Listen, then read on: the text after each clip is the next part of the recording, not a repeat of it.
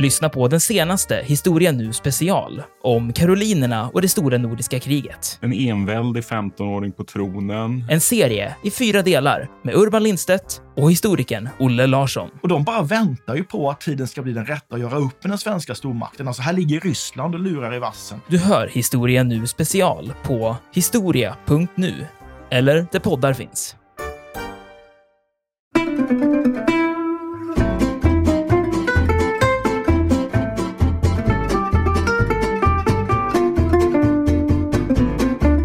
Här spänningarna kulminerar i november 79 när iranska demonstranter i form av studenter tar sig in på amerikanska ambassaden i Teheran och tar personalen som gisslan. Och det gör man ju för att man protesterar mot att eh, Shahen har fått någon slags asyl i USA. Han är svårt cancersjuk och ska få sjukhusvård där. Och de här studenterna vill ju istället att Shahen ska lämnas ut till Iran för att där stå till svars för de brott som man menar på att han har begått.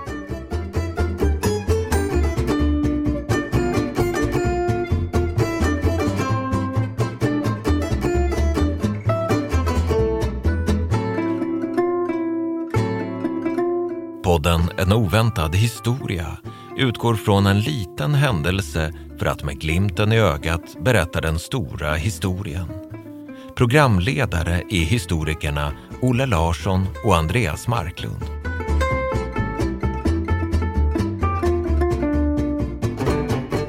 Tjena Andreas! Tjenare! Hur är läget? Det har sällan varit bättre. Det gläder mig denna fantastiska oktoberkväll som det faktiskt är med mörker Ja. utanför fönstret. Men det är trevligt.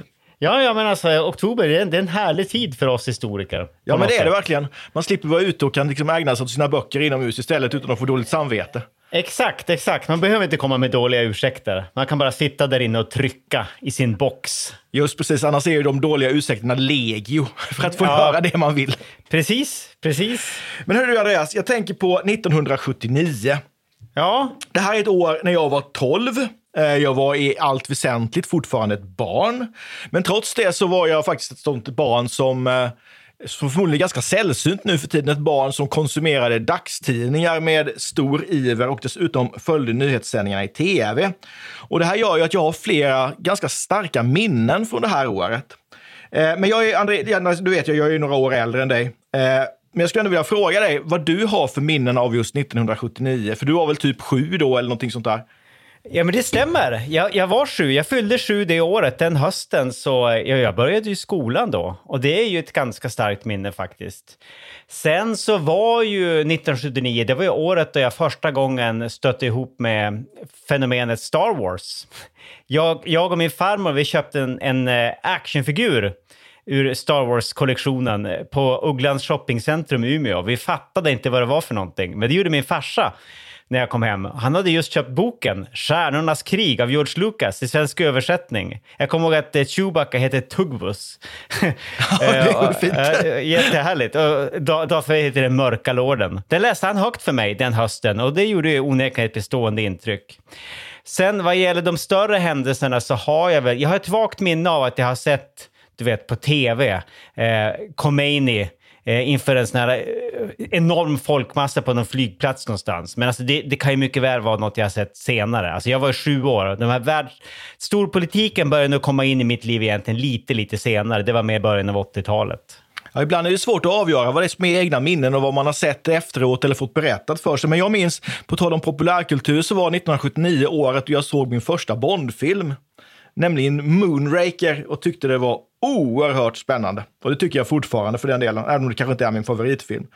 Men eh, jag minns ju också, jag var ju så pass gammal att jag minns de här stora nyheterna. Jag kommer ihåg den sovjetiska inmarschen i Afghanistan i december. Jag minns de här bilderna som du pratade om från Iran då under den islamiska revolutionen med Khomeini. Och jag minns också den här kärnkraftsolyckan som var i Harrisburg i Pennsylvania i USA på Three Mile, Mile Island. Och jag tror att den gjorde så stort intryck på mig just eftersom jag är uppvuxen i Oskarshamn, ganska, Ja, inte, inte ganska nära, men ett par mil ifrån kärnkraftverket Simpvarp. Så det här var ju någonting man pratade om. Och så minns jag också den här fantastiska tv-serien som jag egentligen var för liten för att se, men som mina omdömeslösa föräldrar lät mig se ändå. Nämligen den här tv-serien som på svenska hette Förintelsen, eh, Holocaust på engelska. Och det här, det här var ju alldeles fantastisk och jag minns att man fick följa den här tysk-judiska familjen Weiss. Och jag vill minnas att serien började 1935 och så får, får man följa den här familjen genom hela liksom, de, här, de här tio åren från 35 fram till andra världskriget slut 45. Och den grep mig otroligt mycket. Men den fick ett genomslag som var helt enormt i alla länder där de visades. Så man brukar ju säga att det här är någon slags vattendelare. Det är efter den här tv-serien som Förintelsen blir en del av en europeisk minneskultur. Mm. Och den tyske författaren Heinrich Bölt, jag tror han hade helt rätt när han sa att det finns ett före och ett efter tv-serien Förintelsen. Från och med att den här visats på tv så måste alla på något sätt förhålla sig till antisemitismen och, eh, och den slutgiltiga lösningen. Men Andreas, jag tänkte alltså att vi ska prata just om år 1979 idag och några av de här stora händelserna som inträffade då. För att en hel del av de här händelserna fick ju konsekvenser som alltså få, om ens någon, kunde ha anat just då. Jag tänker då till exempel på eh, den polske påven Johannes Paulus IIs besök just i sitt hemland Polen. Jag tänker på den islamiska revolutionen i Iran. Jag tänker på den sovjetiska inmarschen i Afghanistan. Jag tänker också på Margaret Thatcher som blir premiärminister i Storbritannien det här året. Jag tänker på Deng Xiaoping i Kina skiljer sig ganska mycket från de andra, men som ändå var i USA det här året och inleder den här stora moderniseringen av det kines den kinesiska ekonomin som faktiskt har gjort att Kina är en av världens ledande ekonom ekonomier idag. Så det här tänkte jag vi skulle prata om. Vad tror du om det? Låter det bra?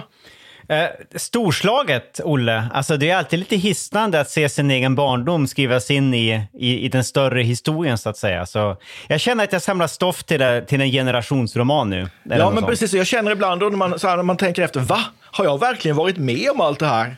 Eh, exakt, exakt. Och det är förmodligen ett tecken på att man börjar bli gammal, antar jag. man kan uttrycka det så. Men jag tänker, just för att vi ska känna hur gamla vi är, så tänker jag ska liksom bara ge dig några exempel på vad som hände i Sverige det här året 1979. Ja, okay, alltså, ja, ja. de stora idrottsstjärnorna, alltså det som man, de som man verkligen beundrade här, det var ju Björn Borg och det var Ingmar Stenmark. Och det här året lanserar Konsum varumärket Blåvitt. Jaha, var det då? Ja, Text-tv okay, ja. lanseras första gången. Okej, okay, ja. New media. Barnaga förbjuds. Spionen ja. Stig Bergling grips i Tel Aviv.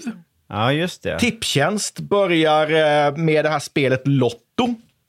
Var det så Sveriges statsminister ja. hette Torbjörn Fälldin. Ja, det, det vet jag ju. Ja, homosexualitet upphör att klassas som psykisk sjukdom. Just det, känt. Stockholm Marathon äh, arrangeras för första gången. Hade jag ingen aning om. En ny successionsordning gör att eh, prinsessan Victoria blir kronprinsessan Victoria och därmed svensk kronprinsessa.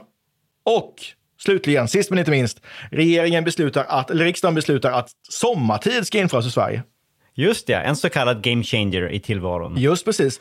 Och när man hör det här så känns det ju, i alla fall för mig som minns det här ganska väl, alltså det känns som att det här är väldigt nära i tiden, samtidigt som det är samtidigt väldigt avlägset och långt borta. Ja, för, för mig är det här, som, som minnesbild är det här väldigt, väldigt dimmigt. Alltså det mesta där har jag typ i ärlighetens namn läst om i efterhand. Precis, precis. Ja, men så kan det ju vara. Men jag minns det här mycket, mycket väl. Men jag är som sagt var lite äldre.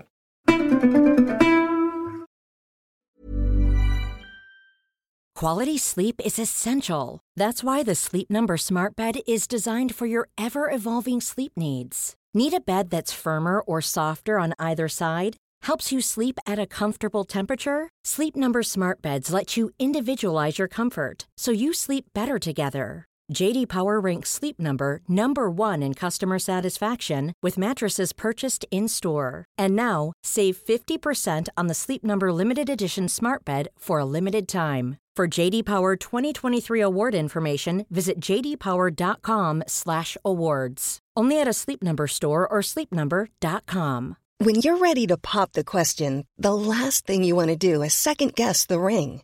At Bluenile.com, you can design a one of a kind ring with the ease and convenience of shopping online. Choose your diamond and setting. When you find the one, you'll get it delivered right to your door. Go to Bluenile.com and use promo code LISTEN to get $50 off your purchase of $500 or more. That's code LISTEN at Bluenile.com for $50 off your purchase. Bluenile.com code LISTEN. Mom deserves the best, and there's no better place to shop for Mother's Day than Whole Foods Market. They're your destination for unbeatable savings, from premium gifts to show-stopping flowers and irresistible desserts. Start by saving 33% with Prime on all body care and candles. Then get a 15-stem bunch of tulips for just $9.99 each with Prime. Round out Mom's menu with festive rosé, irresistible berry chantilly cake, and more special treats. Come celebrate Mother's Day at Whole Foods Market.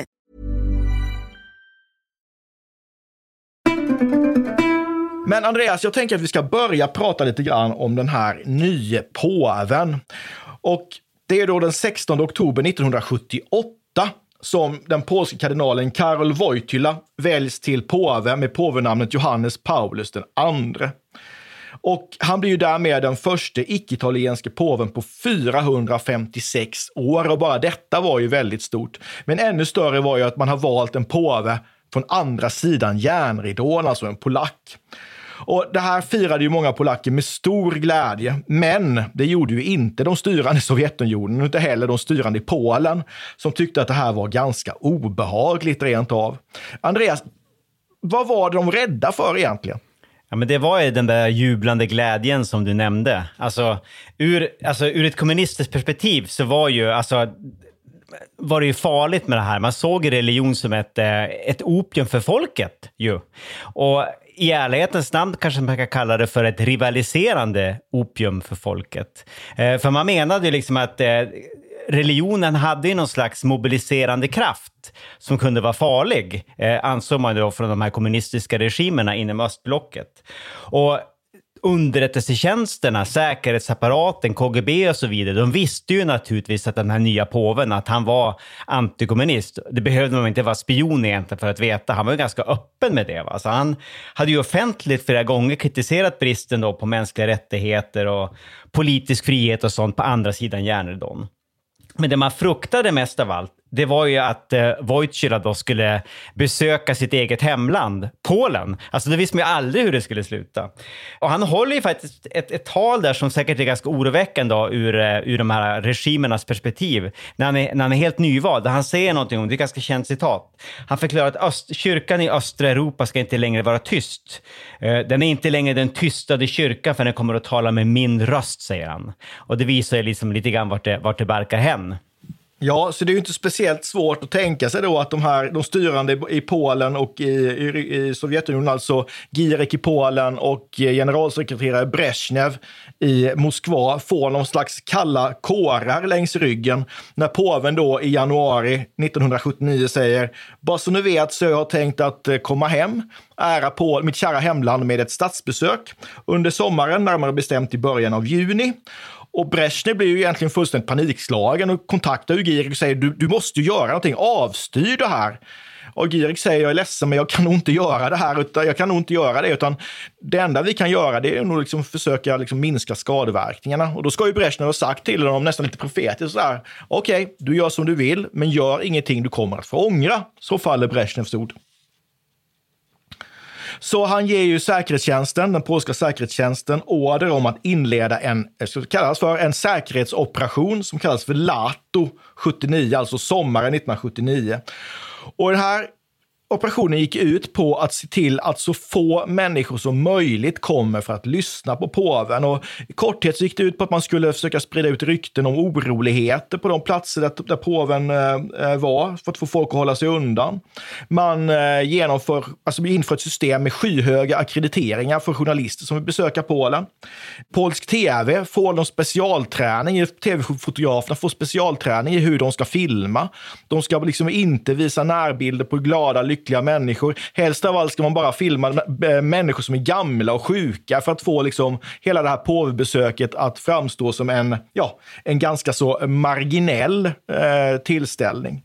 Ja, just det. Men så blir det ju inte riktigt, eller hur? Nej, nej, nej precis. Alltså, han möts ju av hundratusentals surrande människor. Det där är också en väldigt känd mediebild som jag då förmodligen bara har sett i efterhand själv. Men alltså han, han landar, hans, hans flyg, flygplan landar ju då på flygplatsen i, eh, i, i Warszawa den 2 juni klockan 10.02 tror jag det är. Och så kliver han ju ner och kysser marken. Det är ju en jättekänd bild och där står ju de där enorma människomängderna bara liksom hurrar och jublar. Och det är väl liksom, det är ännu fler då. Det är väl en miljon människor eller något sånt där som samlas på, vad, vad heter det, Segertorget då, i huvudstaden, alltså i Warszawa då, för att lyssna på påvens predikan. Alltså där får de ju verkligen andligt opium för hela slanten. Eh, och de ser ju då för första gången på, vad är det, 30 år så ser de ju då kristna symboler på en offentlig plats. Det är ju en, det är en jättestor händelse. Så här, här kan man använda sig av uttrycket game changer. Och det är ett folksamling som dessutom är helt spontan. Det här har ju inte organiserats av kommunistpartiet, nota bene. Och påven han talar ju då om bandet mellan polackerna eh, och den katolska kyrkan.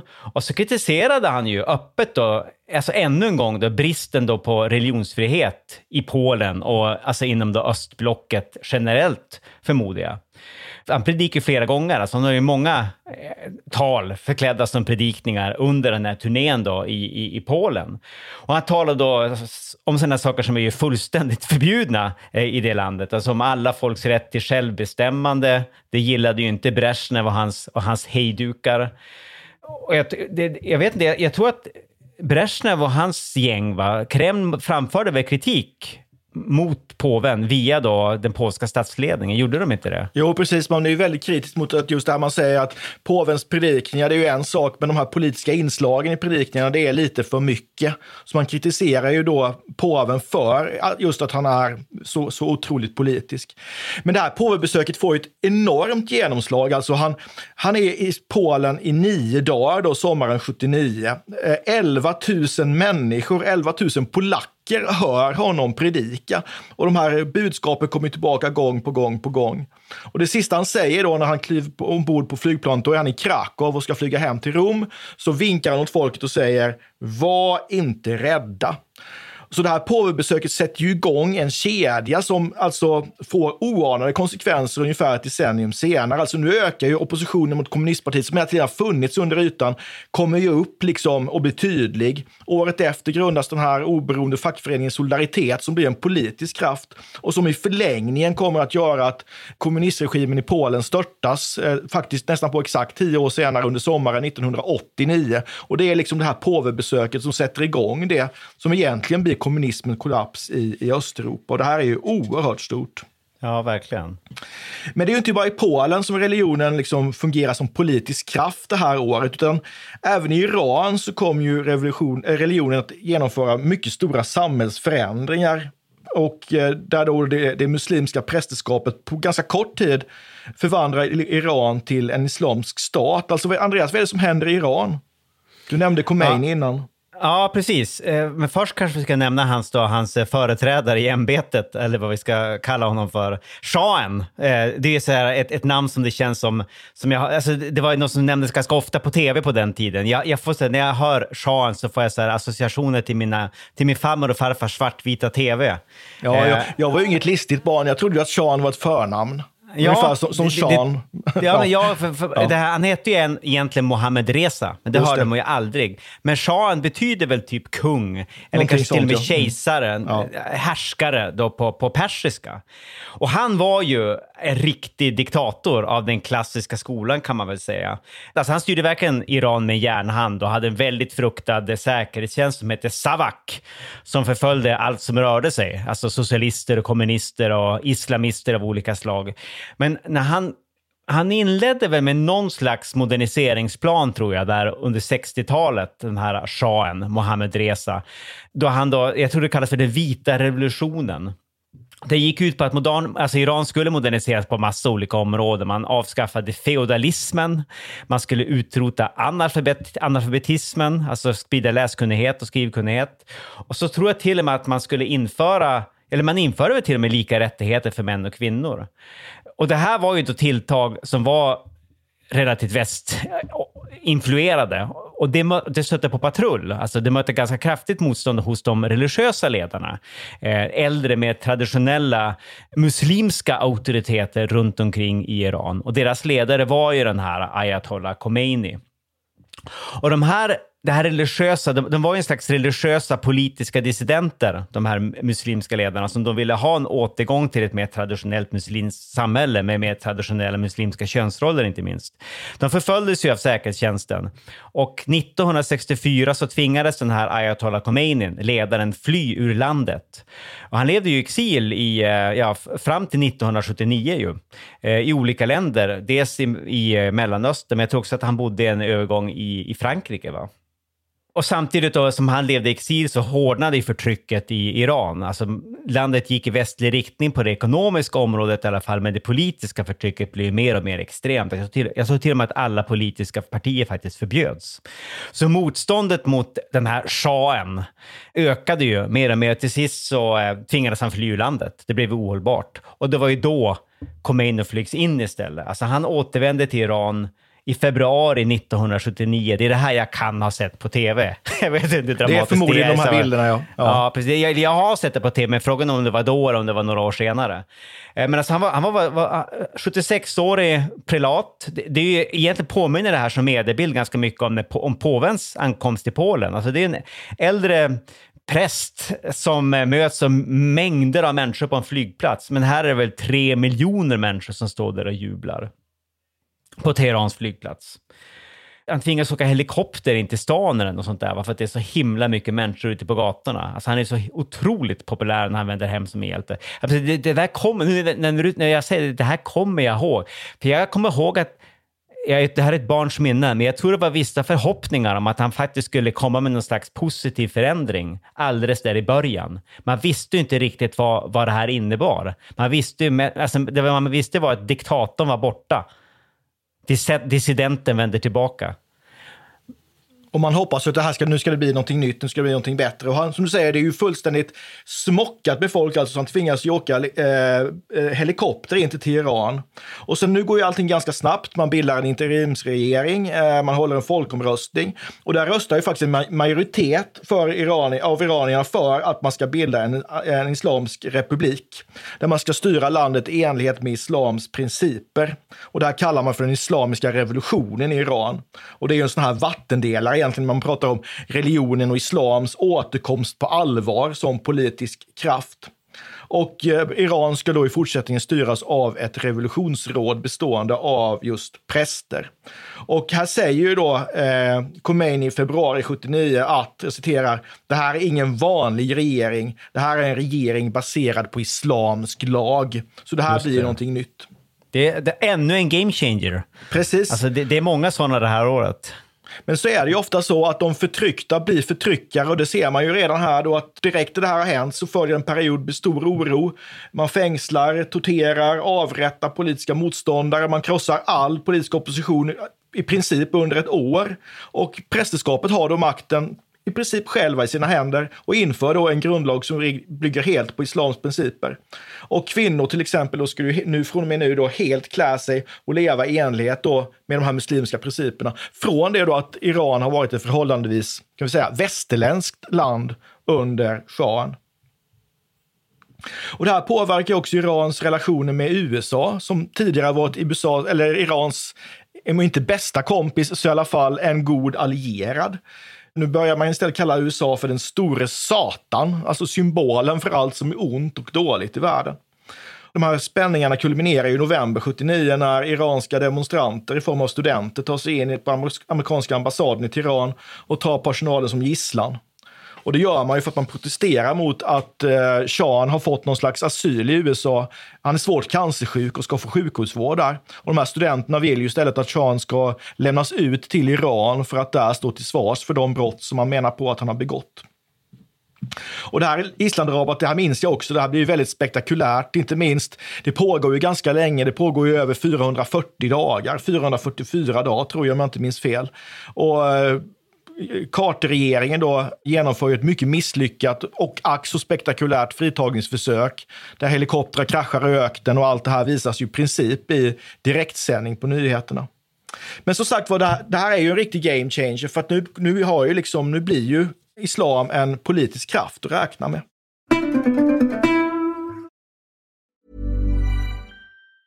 A lot can happen in three years, like a chatbot may be your new best friend. But what won't change? Needing health insurance. United Healthcare Tri Term Medical Plans, underwritten by Golden Rule Insurance Company, offer flexible, budget friendly coverage that lasts nearly three years in some states. Learn more at uh1.com. Jewelry isn't a gift you give just once, it's a way to remind your loved one of a beautiful moment every time they see it. Blue Nile can help you find the gift that says how you feel and says it beautifully with expert guidance and a wide assortment of jewelry of the highest quality at the best price. Go to BlueNile.com and experience the convenience of shopping Blue Nile, the original online jeweler since 1999. That's BlueNile.com to find the perfect jewelry gift for any occasion. BlueNile.com. Hey there, it's Michelle Norris. I'm host of a podcast called Your Mama's Kitchen. When I travel, I'm usually looking for a way to find a taste of home when I'm not at home. And one of the things I love to do when I am at home is entertain. And Airbnb allows me to do that. When I was in California recently, I rented a house that had a great kitchen. And when we were sitting around the table, we're all thinking, we're in someone else's house. Someone could be in all of our homes as well. If you have a home, but you're not always at home, you have an Airbnb. Your home might be worth more than you think. Find out how much at airbnb.com/slash host.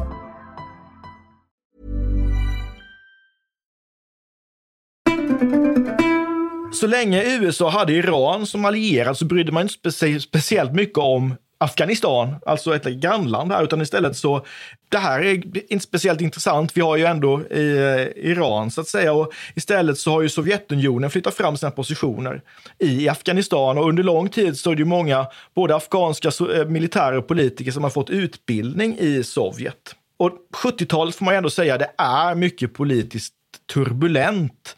Inte bara då eh, i Iran utan också i Afghanistan. Vad är det som händer här, Andreas? Ja, turbulent eh, var ordet. Alltså jag tycker det här är superrörigt, men jag ska göra mitt bästa. Alltså, till att börja med så var det en figur som hette Mohammad Daoud Khan som tog makten genom en militärkupp 1973. Eh, och det gjorde han då utan att själv vara övertygad kommunist på något sätt och utan att vara på något sätt ideologiskt lockad av marxism-leninismen så tog han hjälp av eh, eh, kommunistiska krafter, det här eh, Afghanistans kommunistiska parti och, eh, och även då naturligtvis eh, kommunistiska aktörer inom det milit militära etablissemanget i Afghanistan som hade kopplingar till Sovjet. Och han, han avskaffade väl också, i samband med det, han, han störtade ju kungen av Afghanistan, så Afghanistan stöps ju om då från en monarki till en republik. Den här Khan blir ju Afghanistans första president där 1973. Men han, som, jag, som jag förstått det så sitter han lite grann på två stolar samtidigt. Alltså han, han, han, han fascineras ganska mycket av Sovjet på många olika sätt, tar hjälp av so so Sovjetvänliga aktörer och ser då på något sätt de här, äh, det här moderniseringsprojektet som Sovjet genomgick då efter ryska revolutionen rent ekonomiskt och tekniskt och så vidare. Det ser han som en förebild för Afghanistan, så det vill han gärna överta. Samtidigt som han försöker, försöker vidmakthålla ganska goda relationer till USA. Så han, eh, han, han hamnar lite grann i konflikt med alla man kan hamna i konflikt med. Den här Khan, det är mitt intryck. Det funkar inte speciellt bra. Han försöker spela på liksom lite för många strängar samtidigt. Men framförallt så går det ju dåligt då i relationen mellan honom och de här konservativa klanledarna runt omkring i Afghanistan. Och där kan vi väl dra en parallell lite grann till shahen i, i Iran. För att i det här moderniseringsprojektet så ingår dels att ja, Khan ska stärka centralmakten i Kabul naturligtvis. Men det som verkligen får ett hus i helsike är att han vill eh, införa då lika rättigheter för män och kvinnor.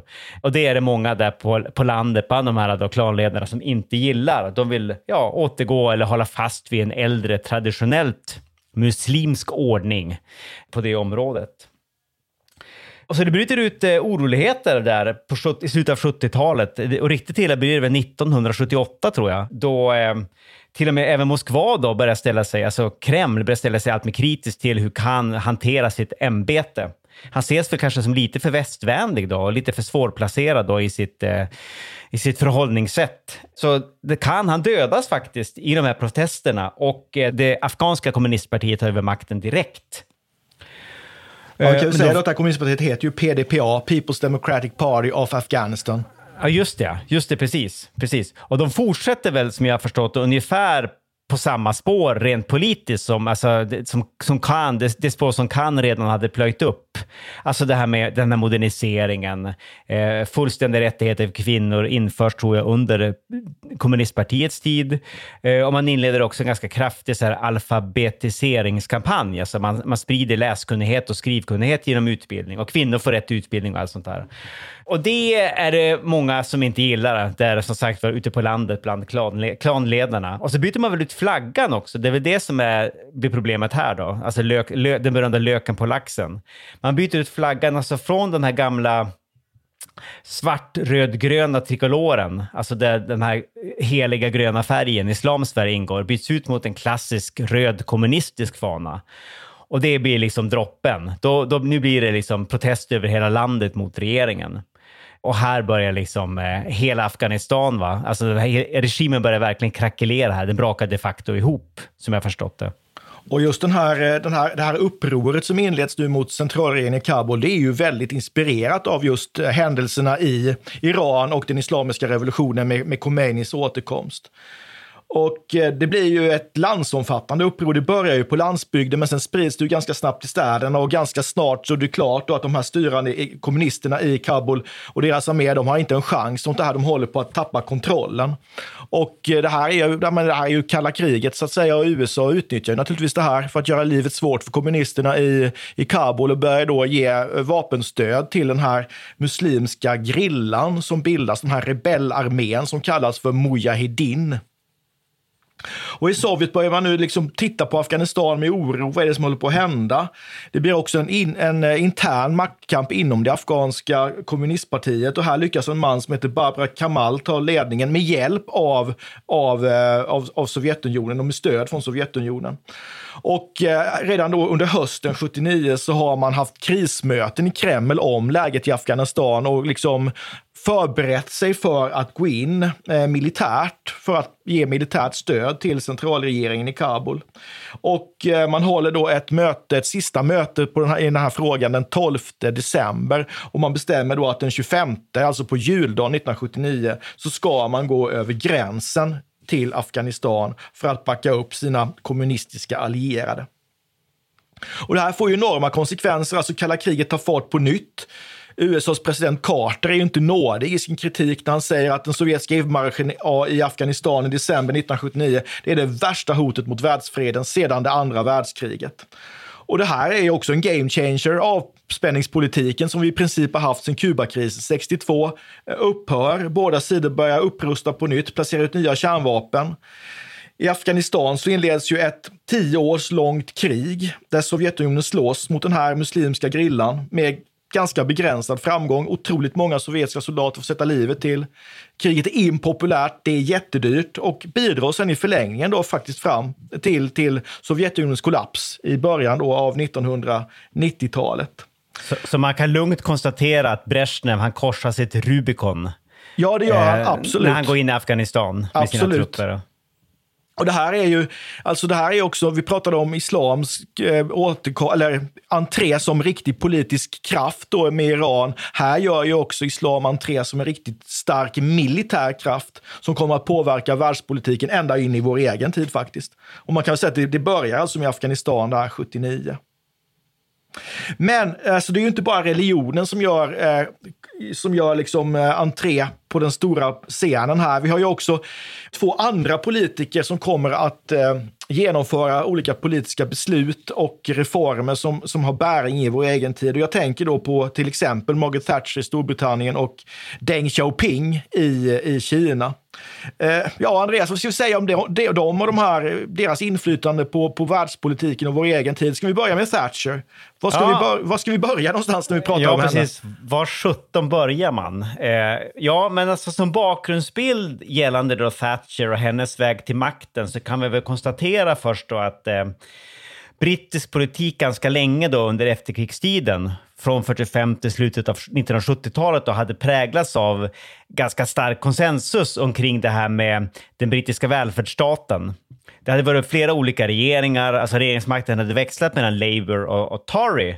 Men man var överens om att, liksom att man skulle satsa på välfärden, på den brittiska välfärden. Det ingick lite grann i återuppbyggnaden också av Storbritannien efter andra världskrigets eh, hemsökelser. Och allt det här funkade bra, de här stora välfärdssatsningarna under 50 och 60-talet då den ekonomiska tillväxten var ganska optimal. Men sen kommer ju 70-talet då, 1970-talet med lågkonjunktur och oljekris och även då ökad internationell konkurrens på, på, på, på många områden. Det gör att den brittiska ekonomin får allt, allt svårare problem.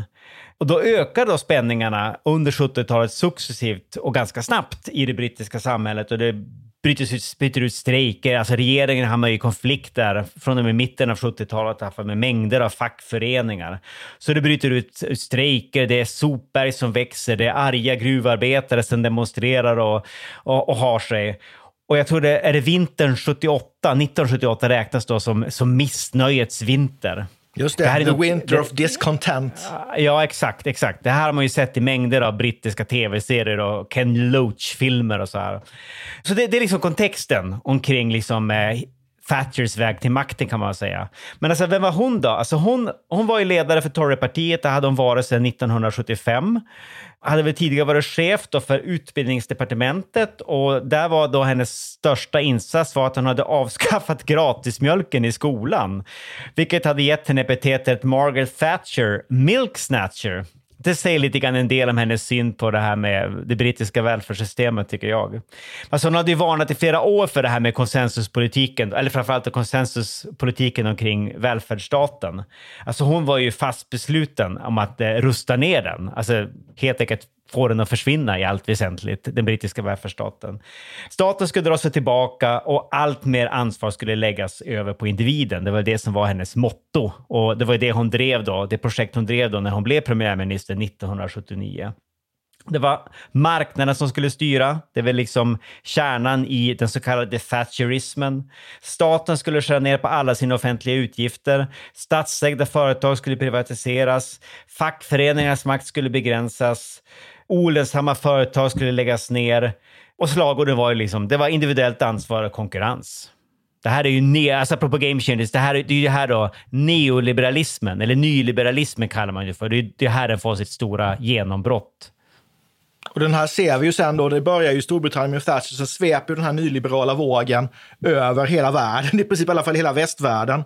Och är ju liksom, vi ser ju fortfarande spåren av den än idag. I Sverige slog den framförallt igenom på 90-talet med, med privatiseringar och utförsäljningar och sådär. Och det börjar som sagt med Thatcher, så har vi ytterligare en game changer 1979. Ja, men det, det är väl ett dominerande politiskt ekonomiskt paradigm fram till finanskrisen 2007-2008 kan man väl säga. Precis, och, och, det, och det börjar med henne helt enkelt. Ja. Vi har ju motsvarigheten i USA som kallas då för Reaganomics under Ronald Reagan som är ja, en motsvarande politik. Det är sa samma skrot och korn om jag får ja. uttrycka mig så. Men vi har ju en annan ekonomisk nydanare i en annan del av världen. Jag tänker då på Kina, jag tänker på Deng Xiaoping som då ja. har blivit kinesisk. Eh, han är inte ledare, för det är ju Hua Guofeng, men han är vicepresident. Och han har ju varit med ganska länge. Han var med redan när Mao började med den här moderniseringen av Kina, det stora språnget. Kina skulle liksom industrialiseras, det kinesiska jordbruket skulle kollektiviseras och det här går ju inte så himla bra utan eh, det blir ju en katastrof faktiskt och inte minst de här jordreformerna leder ju till en massvält under åren, eller mellan åren 1958 och 61. Och eh, Deng är ju kritisk mot det här, vilket gör då att han rensas ut under den så kallade kulturrevolutionen som handlar om att liksom egentligen se till att kritiken mot Mao upphör och att eh, liksom, kommunistpartiet får fortsätta. Så Mao, eh, han klarar sig ju ändå, till skillnad från många andra då, som fängslas och avrättas under de här åren. Men sen i början på 70-talet så är ju Mao gammal. Eh, det är alldeles uppenbart att han kommer dö och då återvänder ju Deng från sin eh, inre exil i Kina. Och han, är ju, han har gjort klart redan då som sagt var under det stora språnget att han tycker att ekonomisk utveckling är mycket, mycket viktigare än ideologisk renlärighet. Och det finns sådär klassiskt Deng-citat han säger att det spelar ingen roll om katten är svart eller vit så länge den fångar möss. Och det är ju precis det som händer nu. Liksom. Han, han, när Mao dör 76 och Deng kommer tillbaka och blir ju den som i realiteten kommer att styra Kina då i egenskap av vice premiärminister. Vad gör han nu, Andreas? Ja, men jag säger först det där citatet, det är verkligen en, en pragmatikers trosbekännelse. Det är ett helt fantastiskt citat. Men han är ju, han är ju väldigt pragmatisk. Alltså han blir ju den som i realiteten styr Kina då, i egenskap av vice premiärminister, men en väldigt kraftfull vice då, efter Maos död där 76. Och han är ju också, han är också en sån här en, en, en provästlig ådra som är rätt stark. Alltså han har vuxit upp eh, i Frankrike, eller tillbringat i alla fall väldigt stora delar av sin, sina unga år i Frankrike. Och det var där han mötte sina tre stora kärlekar. Det var fotbollen, det var kommunismen och det var croissangerna. Ja, förstås. det är fantastiskt. Ja. ja, härligt tycker jag. Men sen, det som händer då 79 här, det är ju då att då åker han på sin berömda USA-resa, eh, Deng Xiaoping, där han bara besöker Coca-Cola, Ford, Boeing, han går på sån här hästrodeo, eller rodeo säger man väl kanske. Jag tror han, han flyger rymdkapsel i, i simulator och tycker det är hur kul som helst. Men alltså han, han, blir ju, han tycker det är storslaget, det han ser. Alltså han inser liksom att det här med modernismens fördelar, alltså det här måste vi överföra till Kina om Kina ska överleva liksom i den globala internationella konkurrensen. Kina ligger förskräckligt långt efter väst på det här området, kände Deng Xiaoping när han var i USA den där sommaren. Det var det han tog med sig hem, alltså den här vetskapen då, den här starka medvetenheten medvetenheten om att den ekonomiska politiken måste moderniseras. Så han, han förändrar ju då jag tror det är nästan en underdrift. Han, lägger, han slår in på en helt ny ekonomisk kurs som också är politisk naturligtvis då för Kina. Alltså han tillåter då mindre privata företag att verka, utländska artister att börja uppträda, nya medieteknologier börjar sippra in på den kinesiska marknaden, eh, som eh, alltså tv-apparater och kassettbandspelare. Och sen börjar han göra upp med liksom de här gamla traditionerna som har hjälpt inom, hjälpt inom jordbrukssektorn. Alltså Så han effektiviserar jordbruket genom att införa ny teknik och privata inslag, privat ägande. Kollektivjordbruken försvinner och även de här så kallade folkkommunerna avvecklas. En massa så här bromsklossar då, som i, i hans ögon har förhindrat ekonomisk utveckling eh, avlägsnas ganska snabbt och brutalt.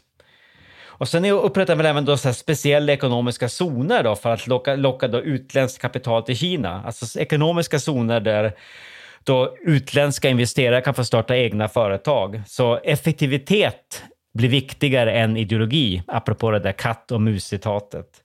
Och han hämtar naturligtvis inspiration då från länder, alltså han var inspirerad av Frankrike och USA, men det handlar också om mer närliggande inspirationskällor som Hongkong, Singapore och, man får väl inte säga ordet nästan då, Taiwan.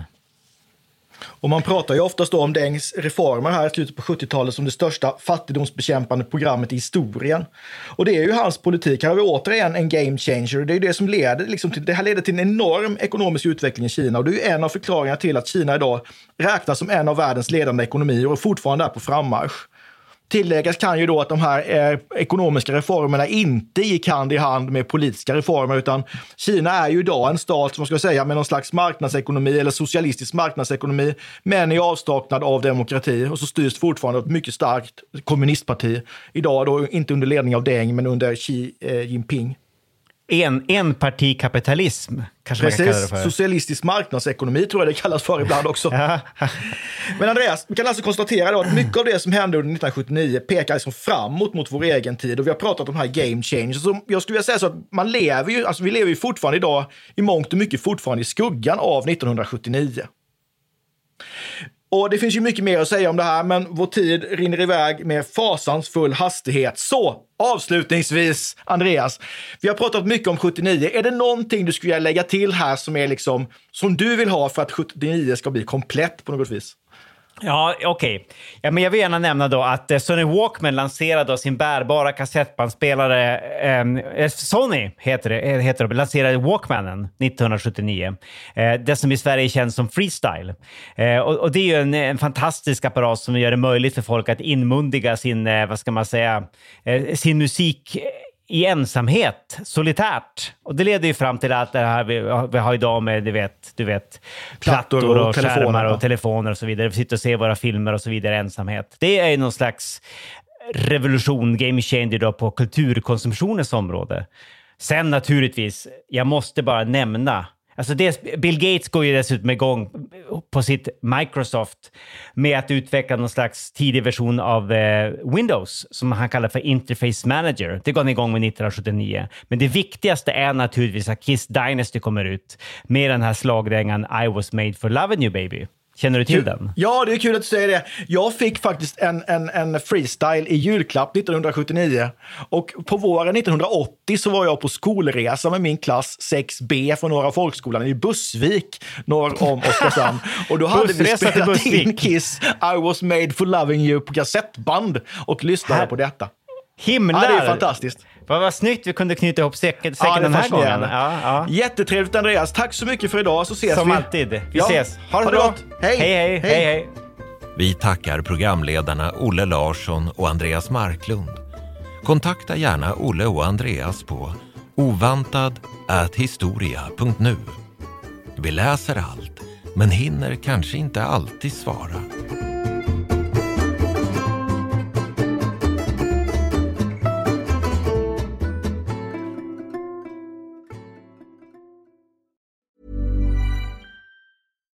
Deserves the best, and there's no better place to shop for Mother's Day than Whole Foods Market. They're your destination for unbeatable savings, from premium gifts to show-stopping flowers and irresistible desserts. Start by saving 33% with Prime on all body care and candles. Then get a 15-stem bunch of tulips for just $9.99 each with Prime. Round out Mom's menu with festive rosé, irresistible berry chantilly cake, and more special treats. Come celebrate Mother's Day at Whole Foods Market. Planning for your next trip? Elevate your travel style with Quince. Quince has all the jet setting essentials you'll want for your next getaway, like European linen, premium luggage options, buttery soft Italian leather bags, and so much more. And is all priced at 50 to 80% less than similar brands. Plus, Quince only works with factories that use safe and ethical manufacturing practices. Pack your bags with high-quality essentials you'll be wearing for vacations to come with Quince. Go to quince.com slash pack for free shipping and 365-day returns. When you make decisions for your company, you look for the no-brainers. If you have a lot of mailing to do, stamps.com is the ultimate no-brainer. Use the stamps.com mobile app to mail everything you need to keep your business running with up to 89% off USPS and UPS. Make the same no-brainer decision as over 1 million other businesses with stamps.com. Use code PROGRAM for a special offer. That's stamps.com, code PROGRAM. Iran har under 1900-talet genomgått tre omvälvande revolutioner som orienterat landet antingen mot västerlandets modell eller mot en auktoritär styrelseform. Idag pågår en social revolution i landet som vänder sig mot det islamistiska styret och vars anhängare har Europa och väst som förebilder. I en viktig bok ger idéhistorikern Mohammad Faslashemi en djupare förståelse för dagens dramatiska händelseutveckling. Iran mellan tre revolutioner är utgiven av förlaget Historiska Media. Beställ den fysiska boken på förlagets hemsida historiskamedia.se eller köp den i en bokhandel nära dig.